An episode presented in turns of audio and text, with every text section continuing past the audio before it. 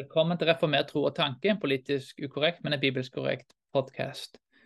I denne korte episoden på to minutter så vil jeg veldig enkelt oppsummere dåpsargumentasjonen til en da som holder da til en presbyteriansk og paktsforståelse av dåp. 1. Gud lagde en evig pakt med Abraham og kommanderte ham til å omskjære alle mannlige barn i hans husstand, som var tegn på pakten mellom dem. Første Mosebok kapittel 17 vers 9 14. 2. Denne pakten var en pakt om utvelgelse og fant sin oppfyllelse i frø som var lovet Jesus Kristus, og fortsatt i all sin kraft til alle som døde og er velkomne i hans rike. Galaterbrevet kapittel 3 vers 16. Hebreerbrevet kapittel 6 vers 13 til 18. Eh, Hebreerbrevet kapittel 9 vers 15, så vel som Johannesbrevet, første brev til Johannes 2, 25. 3. Med døden og oppstandelsen til Jesus Kristus er det tegnet til en pakt forandret til dåp, for å reflektere realiteten av blodets tegn og omskjærelse ikke lenger var gjeldende, fordi Kristus har nå spilt sitt blod for våre synder til å bli tilgitt. Hebrevet 9, 23, og så vel som Matteus 28, 19-24.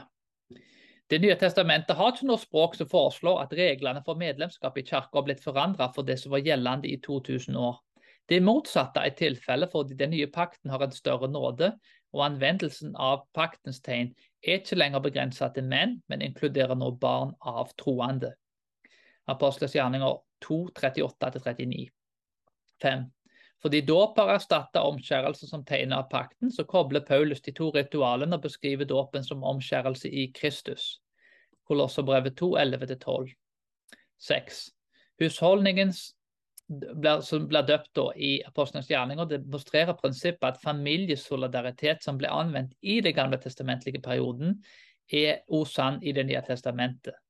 Det er svært sannsynlig at apostelens gjerninger, i motsetning til populær tanke, har tilfeller der barn blir døpt. Apostelens gjerninger kapittel 10, kapittel 16, 11-15 og kapittel 16 vers 25-34. 7.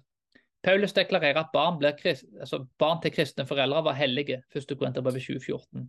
8. Jesus tukte sine disipler for å prøve å forhindre troende å bringe barnet til ham for å få hans velsignelse. Hindre dem ikke fordi de hører Guds rike til. De som avviser de små, avviser Kristus. Markus 10, 13-16 og Matteus 18, 1-6. I lys av disse punktene er det rimelig å si at i en kollektiv kultur som ikke er individualistiske, i en kultur bygd på jødiske premisser og forutsetninger, der svært mye er skrevet til jøder, av jøder, der mange av de som mottok budskapet, var enten jøder, eller så var de folk påvirka av romersk-gresk bakgrunn.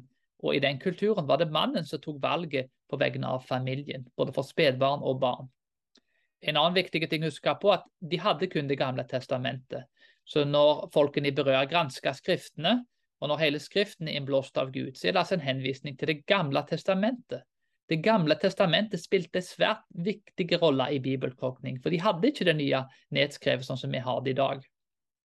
Om en da legger til at en skal fortjene hele Guds råd, at summen av Guds ord er sannhet, sånn som Bibelen sier, og når en tar hensyn til alle disse tingene samtidig, er det ikke da sannsynlig at mangelen for argumentasjon om at spedbarn skal bli døpt.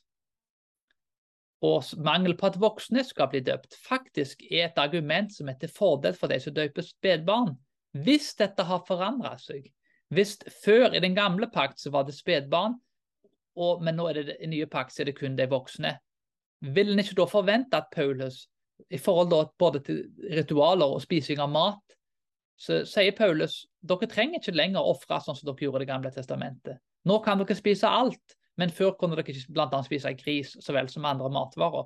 Paulus forklarer disse tingene, for det ville ikke være selvinnlysende.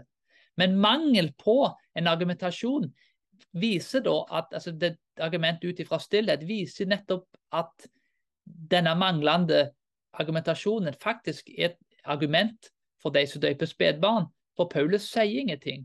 Og det, årsaken til det er at ting fortsetter som før. Se den første episoden om premisser og forutsetninger for dåp. Og da kan du få litt mer innblikk i disse tingene. Men jeg vil allikevel oppsummere og si da, at jeg mener at det er mer sannsynlig at, at spedbarn ble inkludert i pakten. Hvis ikke, så burde vi forvente å få en forklaring, og det får vi ikke. Forhåpentligvis har dette vært uh, oppsummerende, og forhåpentligvis har det kommet noe lys på, på dette med dåp. Uh, og Uansett så det, må du granske Skriften sjøl og, og, se hva du mener om saken.